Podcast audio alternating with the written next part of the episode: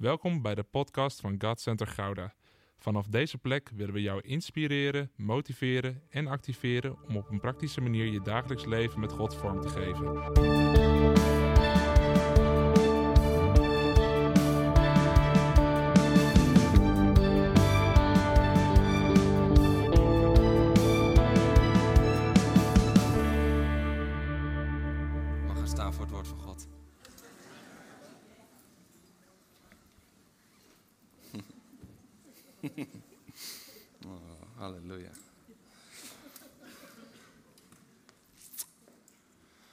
Vervuld van de Heilige Geest trok Jezus weg van de Jordaan. Een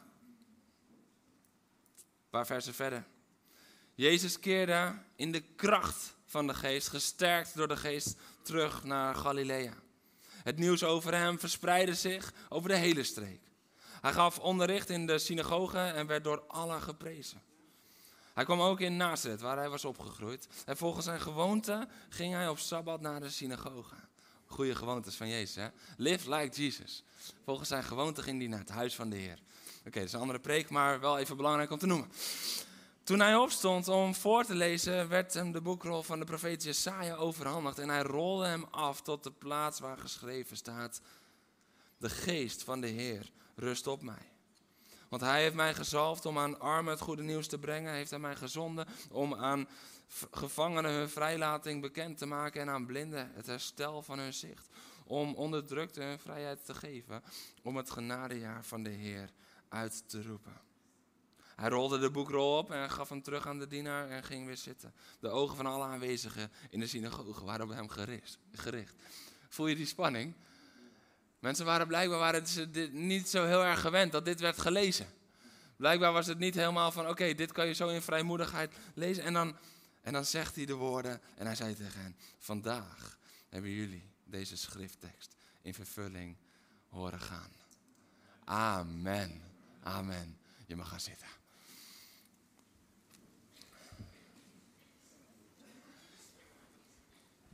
We zijn bezig in de serie Live Like Jesus. En vandaag is eigenlijk een hele praktische. Vandaag is een hele praktische. Namelijk als je wil leven zoals Jezus, moet je vervuld zijn met wie Jezus vervuld was. De Heilige Geest. Zonder de Heilige Geest is er geen bediening van Jezus. Zonder de Heilige Geest, dan waren de evangeliën een heel stuk korter. En het een hele andere afloop. Want zonder de kracht van de Heilige Geest was Jezus niet opgestaan uit de dood. Dus dan hadden een hele andere afloop. Maar ook alle wonderen, alle tekenen, alle inzichten die hij van de Geest kreeg, doordat hij daardoor de gedachten van zijn vader kende. Alles was verbonden aan de aanwezigheid van de Heilige Geest in zijn leven en de kracht van de Heilige Geest op zijn leven. En dat is zo belangrijk om te beseffen dat als wij willen leven zoals Jezus, als wij zo uitzingen, weet je wel, van oh, we, we willen doen wat u deed en, en we kennen de tekst eigenlijk allemaal wel, wat we vaak zo makkelijk kunnen zingen. Dan is het belangrijk om te beseffen dat we dat niet zonder de Heilige Geest kunnen. Nou heb ik goed nieuws voor je. De Heilige Geest is in jou komen wonen op het moment dat je Jezus aannam in je leven. Dus het is niet nu van, oh man, uh, nu moet ik uh, een weg gaan zoeken om de Heilige Geest te vinden in mijn leven. Nee, maar het is soms wel weer tijd om opnieuw te gaan leren luisteren naar zijn aanwezigheid in jouw leven. Want hij is al aanwezig, maar welke stem heeft hij? Weet je, ik kan nu spreken omdat de geluidsman, zeg maar, dat toelaat. Maar stel, van geluid. Stel dat hij zegt, oké, ik ben het even zat. En hij zet hem uit.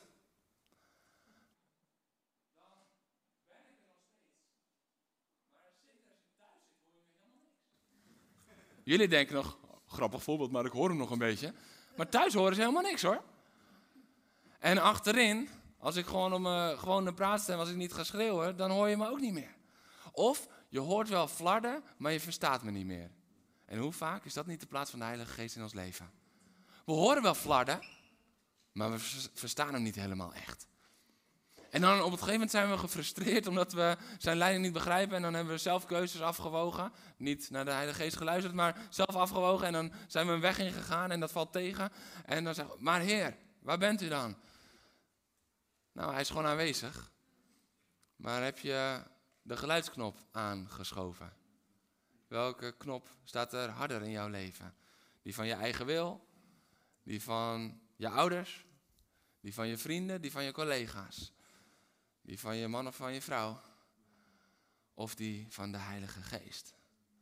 Want Hij is aanwezig in jouw leven en Hij wil spreken in jouw leven. En toch zit er vaak nog een stukje spanning rondom de Heilige Geest.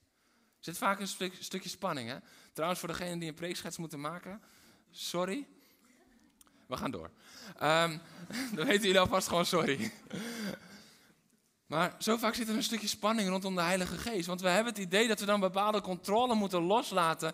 En we denken dat controle ons een stukje veiligheid geeft in ons leven. Maar het is een schijnveiligheid. En het enige wat het doet, is dat het eigenlijk weerstand brengt in ons leven. Want controle is geen veiligheid in ons leven met God. Maar het is weerstand in ons leven met God. Want als we zelf controle houden, dan zeggen we eigenlijk: Heer, we vertrouwen nu niet helemaal. Dat, dat worshipliedje heb je nog nooit gezongen. Want dat zingen we niet, maar dat leven we vaak wel. Ik ben echt fan van, uh, van een keertje een zondag met de echte worshipliedjes van ons hart. Give myself away next day.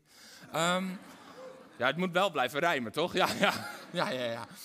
Maar dit is zo vaak het issue in ons leven. God, de Vader, de Schepper, dat is tastbaar.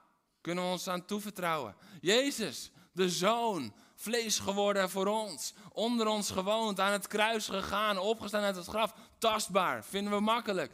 De Heilige Geest, ah! ik snap het niet helemaal, dus ik vind het maar niks.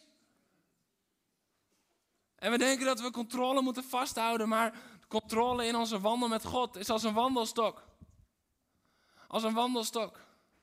Het is heel effectief als je wandelt op je eigen wegen.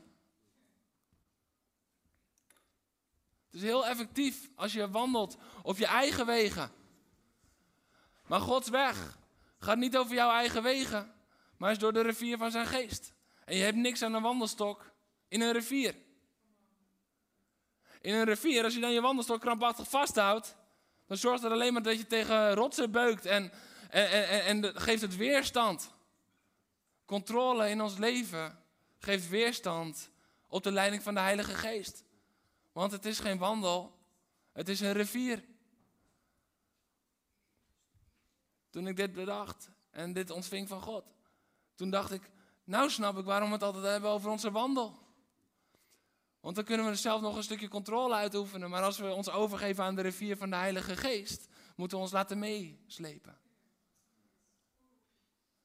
Maar we houden zo vaak die stok nog zo krampachtig vast. En dat beukt tegen rotsen. En waar je zelf normaal gewoon doorheen was gegleden, als je gewoon had mee laten gaan op de deining van de rivier, geeft het weerstand.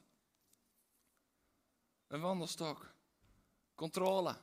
We willen zo graag controle houden. We willen controle houden over alles. We willen controle houden over echt bijna alles. Het liefst nog over het plekje waar je nu zit.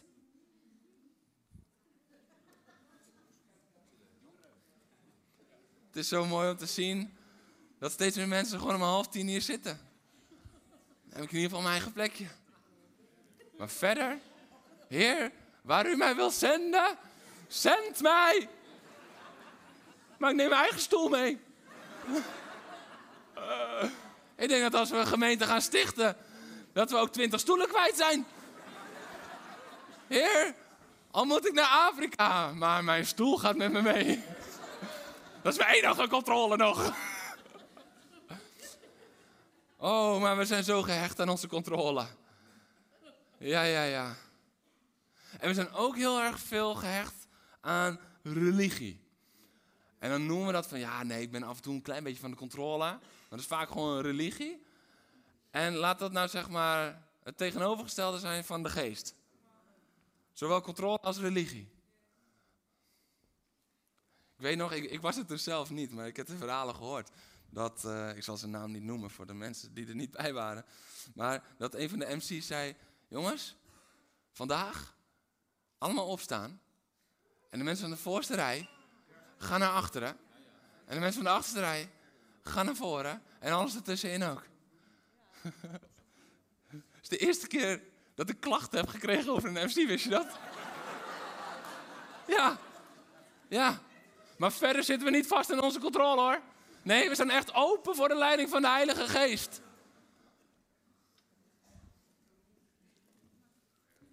Ik denk dat het punt duidelijk is, toch? Oh, oh, oh. Wij en controle. Maar de Heilige Geest, dan moet je echt je controle in zijn handen leggen. Weet je, de Heilige Geest, de rivier, die controleert jou. Wauw, halleluja. De kracht van de geest is hier. Als zelfs microfoons in de geest vallen. Oh, dank u Jezus.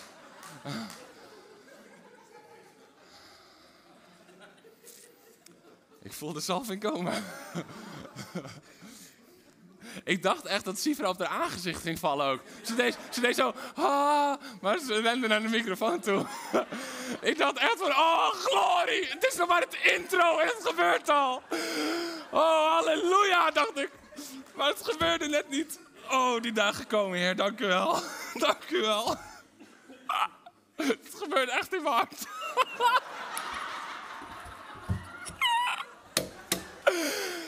Jullie dachten, oh, nou maakt hier een mooi brugje van, maar het gebeurde echt. Oh, halleluja. Dit is een goede ochtend. Oh man. Waar was ik? Ja. Ik had al sorry gezegd voor de preekschrift. Jullie mogen vandaag twee kantjes in plaats van één. Het klopt goed. We laten de controle wel los, ja? Gaan we. Oh, dank u. Dank u. Jezus deed niets voordat hij helemaal vervuld werd met de geest, bekrachtigd werd met de geest en gezalfd werd met de geest. Hij, hij leefde en, en hij was al vol van Gods woord. Dat zien we als hij twaalf is in de tempel. Maar zijn openlijke bediening begon pas daarna. Daarna pas. We lezen in Lucas 4, vers 1, vervuld met de geest, trok hij weg uit de Jordaan. Daar was hij net gedoopt. Hij keerde in de kracht van de geest terug van 40 dagen vasten. En dan zegt hij, de geest van de Heer rust op mij, omdat hij mij heeft gezalfd. En dit hebben jullie vandaag in vervulling horen gaan. Als Jezus de vervulling, de zalving en de bekrachtiging met de Heilige Geest nodig had om in zijn bediening te kunnen gaan staan. Hoeveel te meer hebben wij het nodig, elke dag van ons leven? Of om afgestemd te zijn op zijn aanwezigheid, om afgestemd te zijn op zijn kracht en op zijn salving op ons leven. Wij kunnen niet zonder die vervulling, bekrachtiging en salving. En dat is ook zo belangrijk om te beseffen. Die vervulling die is gebeurd dus op het moment dat je hart aan de Heer gaf. En we moeten ons daar bewust van zijn. Maar die bekrachtiging was een ander moment. We lezen straks dat bij de doop daalde de duif op hem neer. En vervuld met de geest ging hij de woestijn in. Maar vol van de kracht van de Heilige Geest kwam hij er weer uit. Dat is ook waarom we zien dat Jezus in Johannes 20 blaast hij over de discipelen en zegt hij ontvang de Heilige Geest. Het was de eerste keer dat ze de opgestane Heer ontmoeten. En dat in Handelingen 2, dat Pinksteren nog moet gebeuren, de bekrachtiging met de Heilige Geest. zijn aparte momenten en we hebben het allebei nodig om in de kracht van de Heilige Geest te kunnen leven. En de geest van de Heer rust op mij, want hij heeft mij gezalfd. En dan kom je tot het doel, tot het doel dat God heeft met de aanwezigheid van de Heilige Geest in jouw leven. Jezus kon niets zonder de kracht van de geest in zijn leven. Nou, als Jezus al niets kon, dan kunnen wij nog minder dan niets. Zonder de kracht van de geest in ons leven. En zo vaak putten we nog uit eigen kracht. En we komen erachter, het werkt niet, het werkt niet, het frustreert. Maar de kracht van de geest in ons leven en door ons leven. Hij werd gezalfd, vervuld en bekrachtigd. Live like Jesus. Live like Jesus. Verlangen naar om te leven zoals Hij. Een gezonde kerk strekt zich continu uit naar de kracht van de Heilige Geest. Een gezonde kerk, continu. Oh, maar gaat het dan om de manifestaties en gaat het dan om het uiterlijk vertoon? Nee, dan hebben we een te bekrompen beeld van wat de kracht van de geest doet als we dat denken. Ik durf zelfs te zeggen, dat ken je de Heilige Geest nog niet zo als Hij wil dat jij Hem kent. Want als dat ons referentiekader is, weet je waar het referentiekader van komt? Ik heb hem al genoemd. Religie. Want religie vertelt ons allemaal wat we vooral niet te veel met de Heilige Geest moeten doen. Ja, ja, mooi de werken van de Geest, maar dat is voor op de Glory Night, niet voor op zondagochtend. Aparte dienst, komen ook aparte mensen. Nee, niet, niet aparte mensen natuurlijk, nee. Maar stiekem denk je het wel.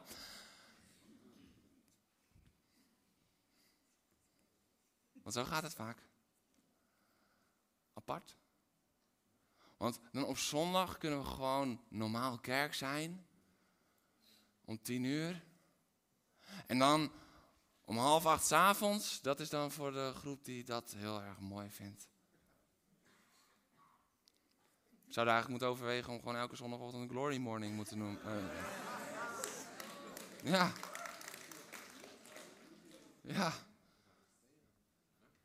Er klopt helemaal niks van die gedachtegang. Want ik heb nieuws voor je. Het was door alle generaties, hebben we het net over gehad. Maar de Heilige Geest is ochtends ook echt precies hetzelfde als uh, s'avonds hoor. Wij vaak niet, hij wel. S'avonds kunnen we de muziek wat harder zetten, want dan piepen onze oren niet. S'avonds mag de preek uh, altijd langer duren. Nog langer, ja, nog langer. S'avonds kan de worship meer in vrijheid. S'avonds hebben we tijd om te bedienen. Denk je dat dat van God is gekomen? Of zou het zijn dat we er zelf meer open voor staan? Dat we s'avonds controle wat makkelijker kunnen loslaten als zondagochtend? Want zo hoort het toch? Zo hoort het toch? Als we willen leven zoals Jezus, gezonden willen worden zoals Jezus gezonden was, Johannes 20, vers 21, dan zijn we dus gezalfd met de Heilige Geest. Oh ja, maar dat, dat hebben we wel eens gehad, weet je wel, van die oplevingen. En, en we weten allemaal nog de getuigenissen die daar dan uiteindelijk uitkwamen. En dan ontspoort het op het gegeven moment. Nou, weet je, een opwekking heeft niet te maken met de manifestaties tussen de kerkmuren. Een opwekking heeft alles te maken met de zalving die komt om aan armen het goede nieuws te brengen. Om gevangenen hun vrijlating bekend te maken. Blinden herstel van zicht te geven. Onderdrukte hun vrijheid te geven. En het genadejaar van de Heer uit te roepen. Als dat gaat gebeuren. Als we daarin gaan stappen. Vanuit de zalving van de Heilige Geest in ons leven. Dan gaat alles veranderen. Weet je, ik geloof nog steeds en, en ik zeg je eerlijk, dat is af en toe een worsteling. Ik geloof nog steeds dat als, als gemeente hier vol instappen, dan zouden we eigenlijk binnen drie jaar, zouden we nog 15 God erbij moeten hebben. Om overal, in alle plaatsen dat weer te brengen. En daar weer dat op te bouwen en dat het een enorm domino-effect gaat hebben. Om de mensen te bereiken met het evangelie. Want Jezus, die was er om het goede nieuws bekend te maken aan de armen. En dan niet alleen de armen in materie, maar ook de armen van geest. Aan een ieder die hem nog niet kende, die de Vader nog niet kende. Aan een ieder. Om gevangenen hun vrijlating bekend te maken. Dat mensen gewoon bevrijd worden van alles wat ze nog gevangen houdt. I'm free. I'm free. Om aan blinden herstel van hun zicht te geven, zowel lichamelijk als op zielsvlak. Om onderdrukte hun vrijheid te geven en om het genadejaar van de Heer uit te roepen. Dat is mooi hè? Dat staat niet in de tekst die je citeert, maar het genadejaar van de Heer. Het genadejaar van de Heer. Omdat er genade is. Omdat er redding is in Hem. Dus zonder de kracht van de geest is er geen kracht in ons leven. Zonder de kracht van de geest is er geen kracht in je bediening, in je roeping, in je taak, noem maar op. Alles is geestelijk. Als je koffie schenkt na de dienst, sommigen denken van, ja dat moet ook gebeuren, dat is een praktische taak. Nee, nee. Jij kan genezing brengen door de juiste persoon op te merken een liefdevolle bemoediging te geven, een knuffel te geven. Misschien diegene die straks alleen staat, die niet naar de koffiehoek komt, door diegene even koffie of thee te brengen. En voor je het weet heb je een gevangene vrijlating bekendgemaakt. Maar zijn we afgestemd op de Heilige Geest? Of zijn we afgestemd op onze heilige taak? Zonder de geest geen kracht. Jezus begint zijn bediening niet voor de bekrachtiging en de vervulling met de Heilige Geest, Lucas 4. De kerk wordt niet geboren zonder de uitstorting van de Heilige Geest in Handelingen 2. En de discipelen mogen nog niet beginnen aan hun bediening zonder de bekrachtiging van de Heilige Geest. En dat staat in Handelingen 1 vers 8. Wacht tot de kracht van de Geest op jullie komt. Ze waren al vervuld, maar de kracht van de Geest moest nog op ze komen. Dus als we naar buiten willen, dan hebben we de kracht van de Geest nodig. En tegelijkertijd is leef in de kracht van de Geest is niet alleen een boodschap voor naar buiten toe, het is ook voor naar binnen toe. Want de kracht van de Geest, die is ook belangrijk in jouw persoonlijke leven. Als we iets verder teruggaan naar Lucas 3, dan lezen we hoe heel het volk zich liet dopen. En toen ook Jezus was gedoopt en hij aan het bidden was, werd de hemel geopend. En daalde de Heilige Geest in de gedaante van een duif op hem neer. Er klonk een stem uit de hemel. Jij bent mijn geliefde dienaar. Ik heb jou macht gegeven om demonen uit te drijven en kracht gegeven om te genezen. En een waarschijnlijk, onwaarschijnlijke leraarsalving, zodat je mijn woord kan verkondigen.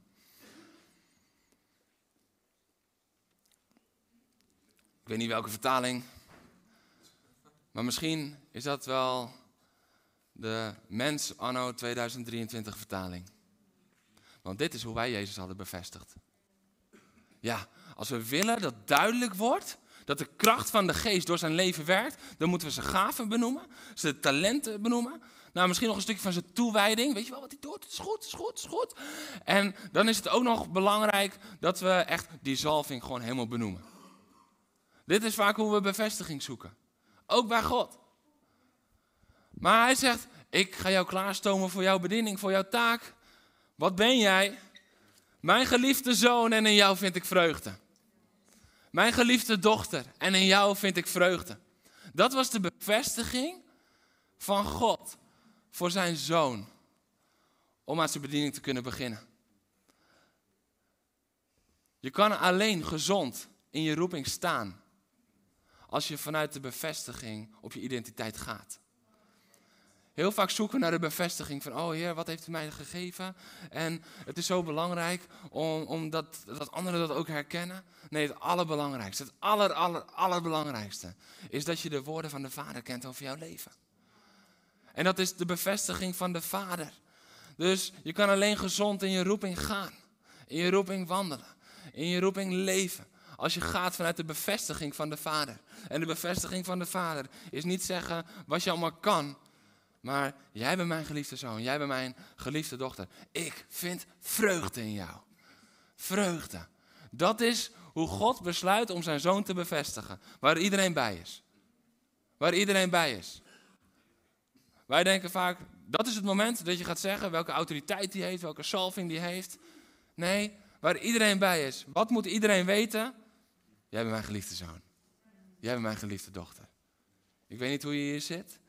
Maar dat is wat je moet weten van hem. Dat hij zegt, mijn geliefde dochter, in jou vind ik vreugde.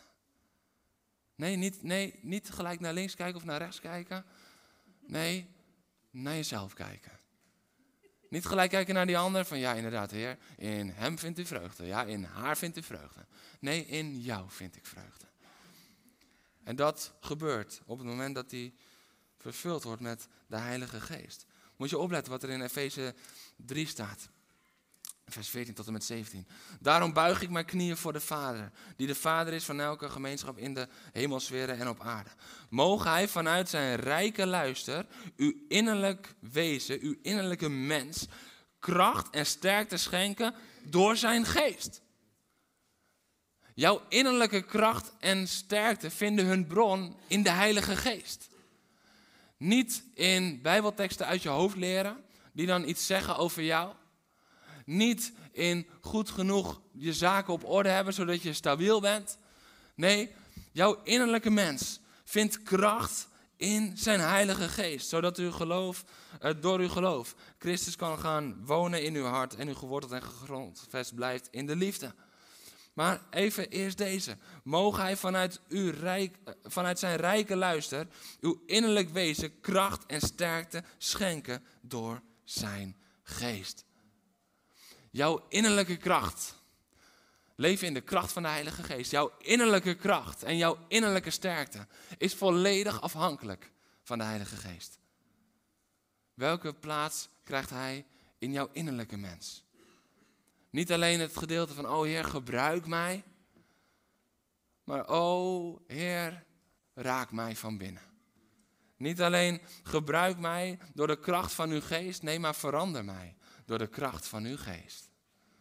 De kracht van jouw innerlijke mens, de kracht van jouw ziel, is volledig afhankelijk van de kracht van de Heilige Geest. De aanwezigheid van de Heilige Geest. Vaak denken we, weet je wel, dat de Heilige Geest een, een de kracht van de geest is met Pinksteren gekomen, zodat hij krachtig door ons heen kan werken. Nee, de kracht van de geest is ook gekomen, zodat hij krachtig in ons kan werken. En ik verlang er zo diep naar en ik geloof dat God zo diep verlangt naar dat moment dat de kracht van de geest het fundament wordt van je identiteit, van je zelfbeeld, van je innerlijke mens. En dat de geest daar mag werken. Weet je wat wij vaak doen? Wij hebben vaak, dan zien we oh man, ons huis is niet sterk genoeg meer. Ons huis is niet sterk genoeg meer. En, en dan gaan we de buitenkant verven. Want dan ziet het er in ieder geval sterker uit. Dan ziet het er in ieder geval op orde uit.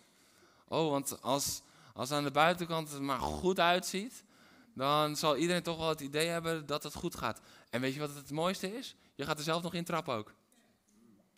Want iedere keer als je dan buiten dan denkt, nou, dat ziet er goed uit.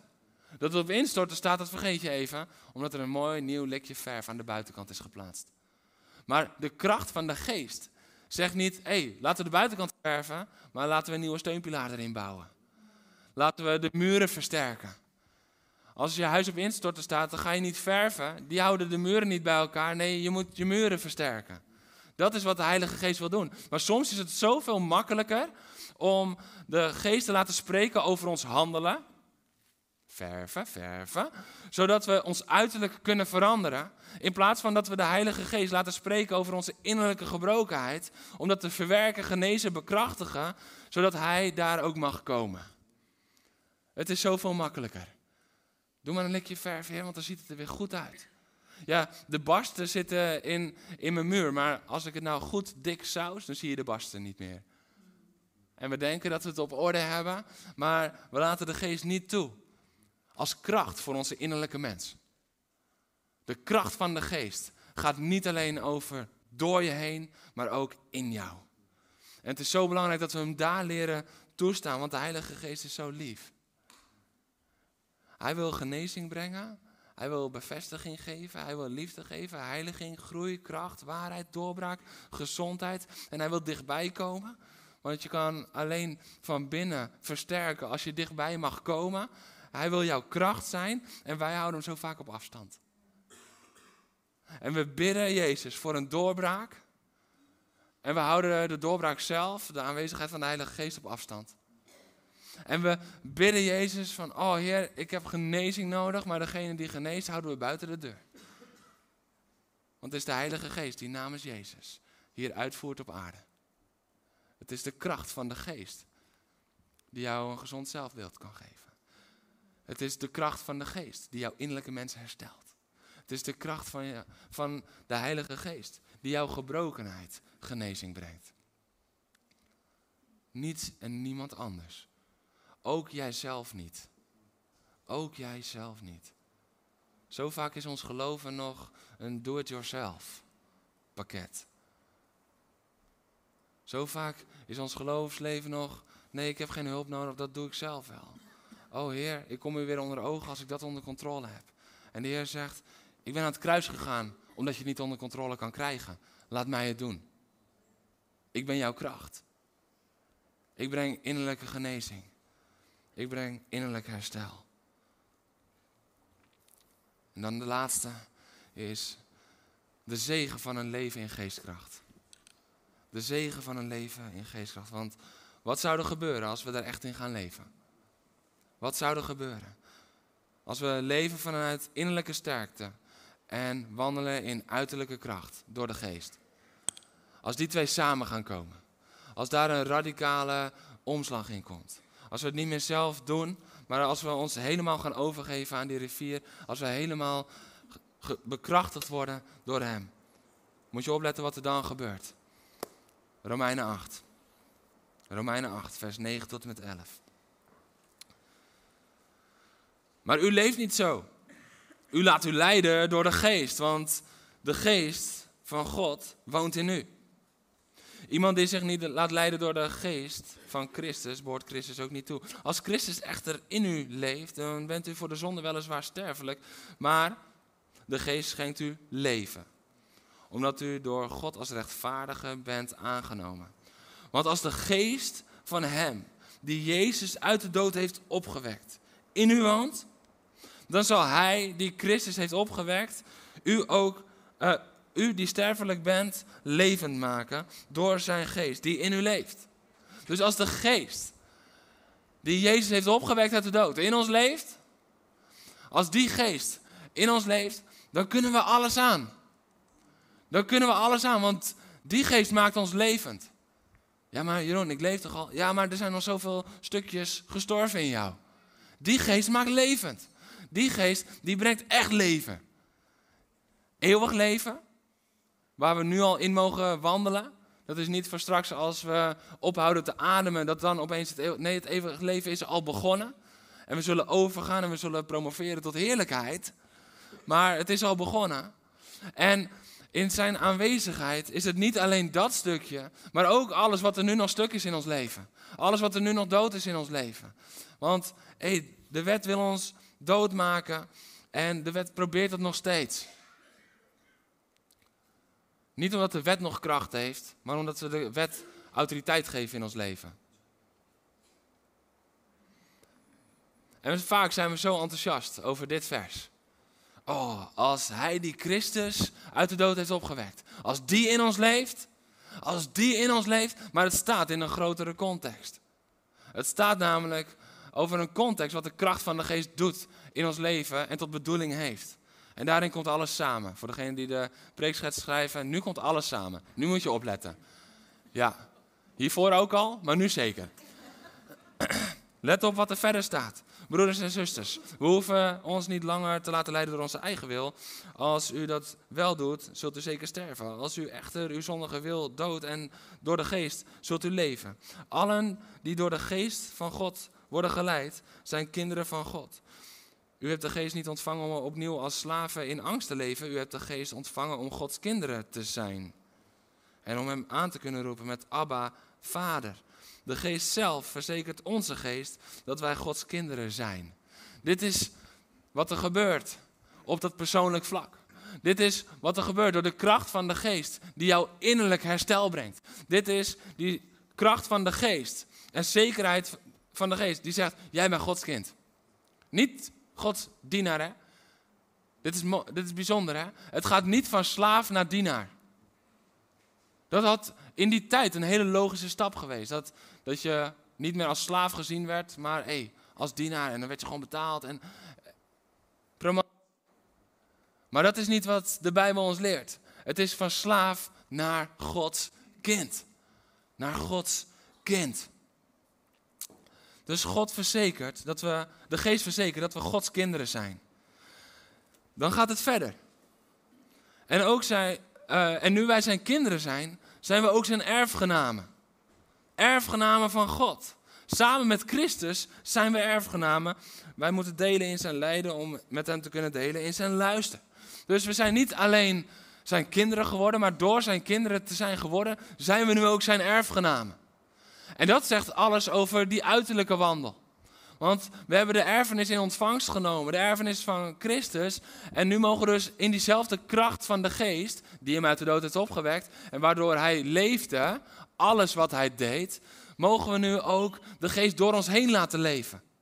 En dat is zo belangrijk om te beseffen, dat het innerlijk en uiterlijk werkt, de kracht van zijn geest. Vaak zeggen we de vervulling van de geest is voor binnen. En de kracht van de geest is voor door je heen. Nee, de kracht van zijn geest werkt ook in jouw leven. En ook door jouw leven. Daardoor kan je ook gaan wandelen met de erfenis. En dat is niet arrogant om de erfenis, zeg maar, toe te eigenen. De erfenis is van kracht gegaan na de dood. Daarom moest Christus sterven. Zodat de erfenis niet een belofte zou blijven, maar een realiteit zou worden. Daarom moest Christus sterven. Onder andere, een van de redenen dat hij moest sterven. Dit is waarom hij stierf. Zodat we zijn kinderen konden worden en zijn erfgenamen. Zodat we konden ontvangen wat de vader ook aan zijn zoon gaf. En wat gaf hij aan zijn zoon?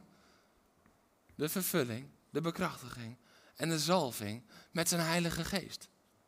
Daarom moest, moest de groep discipelen wachten tot die kracht van de Heilige Geest ook op hen kwam, zoals die ook op de zoon was gekomen.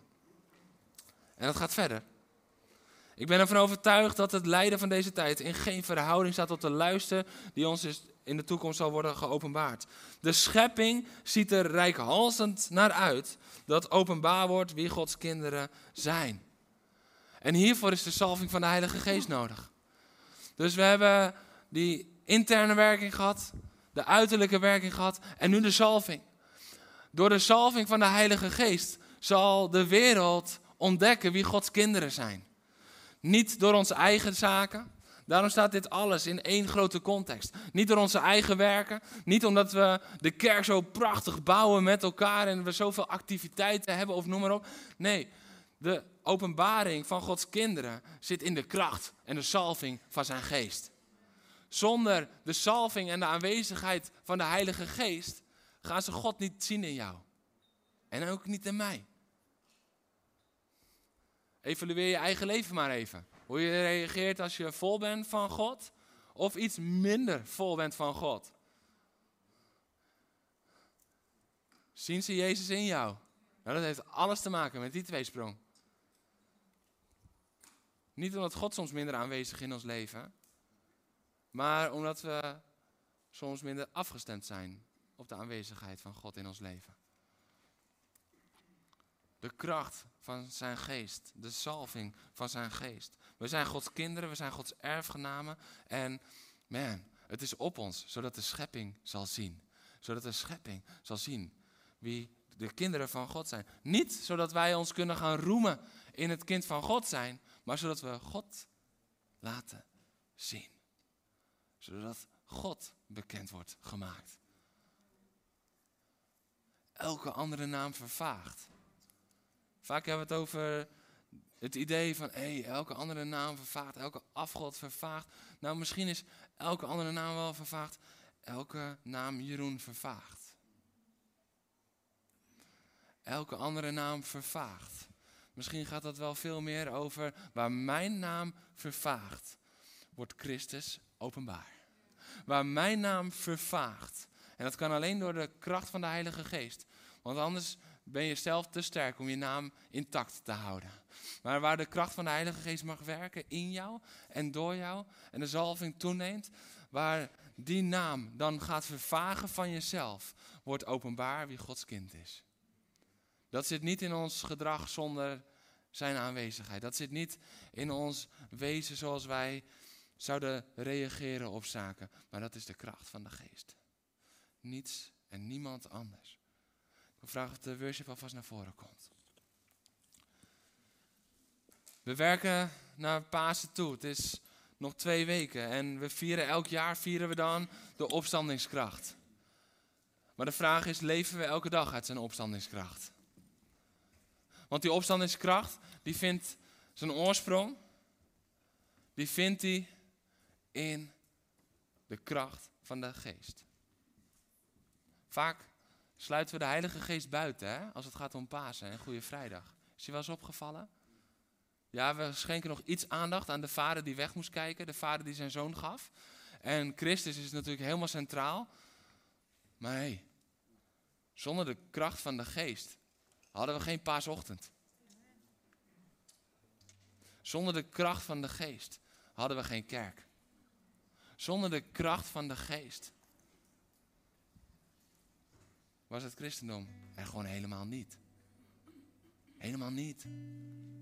Was er nog steeds een messiaanse verwachting zonder de bevestiging dat hij al vlees geworden is, onder ons heeft gewoond.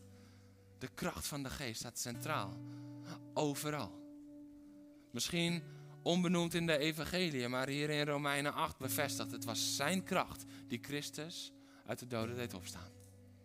Het is zijn kracht die altijd centraal hoort te staan. En het is zijn kracht die elke controle doet loslaten. Maar verlangen we meer naar de controle van onze eigen handen of naar de kracht van zijn naam? Verlangen we echt naar zijn kracht? Dit was wat ik in gebed ontving. We hebben de e- eerste maanden hebben we het veel over opwekking gehad van dit jaar. Verlangen we echt naar opwekking? Kan je zeggen, er is geen controle in opwekking. God is in controle, maar wij niet. Waar de kracht van de geest echt doorbreekt, verdwijnt elke menselijke controle.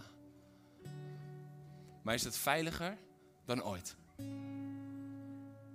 Wij denken nog steeds zo vaak dat waar menselijke controle ontbreekt, dat het onveilig wordt.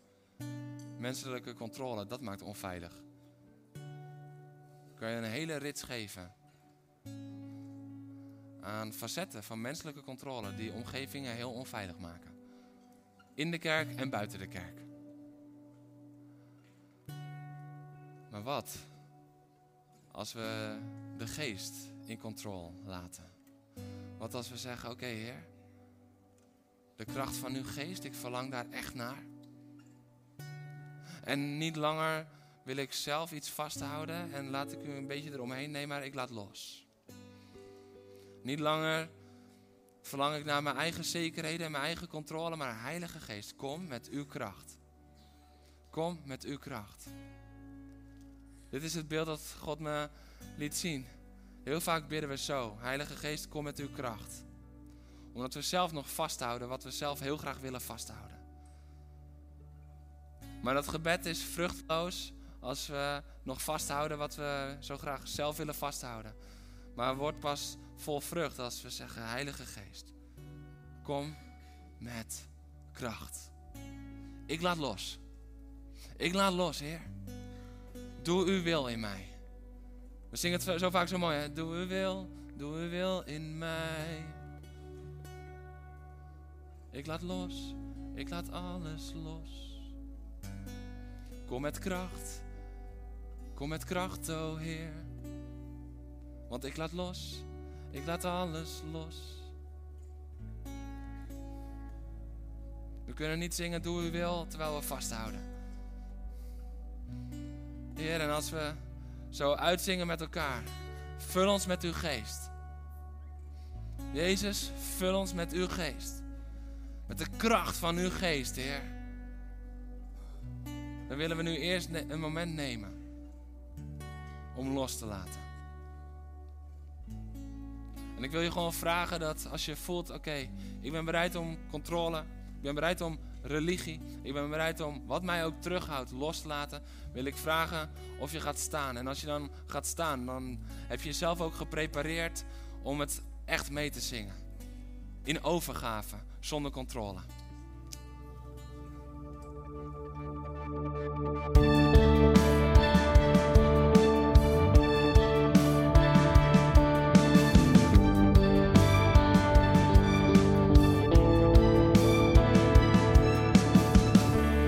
Bedankt voor het luisteren naar deze podcast. Volg ons op onze kanalen om verbonden te blijven. Heeft deze aflevering jou geraakt? Deel dan op je socials en tag ons, zodat we samen meer mensen kunnen bereiken.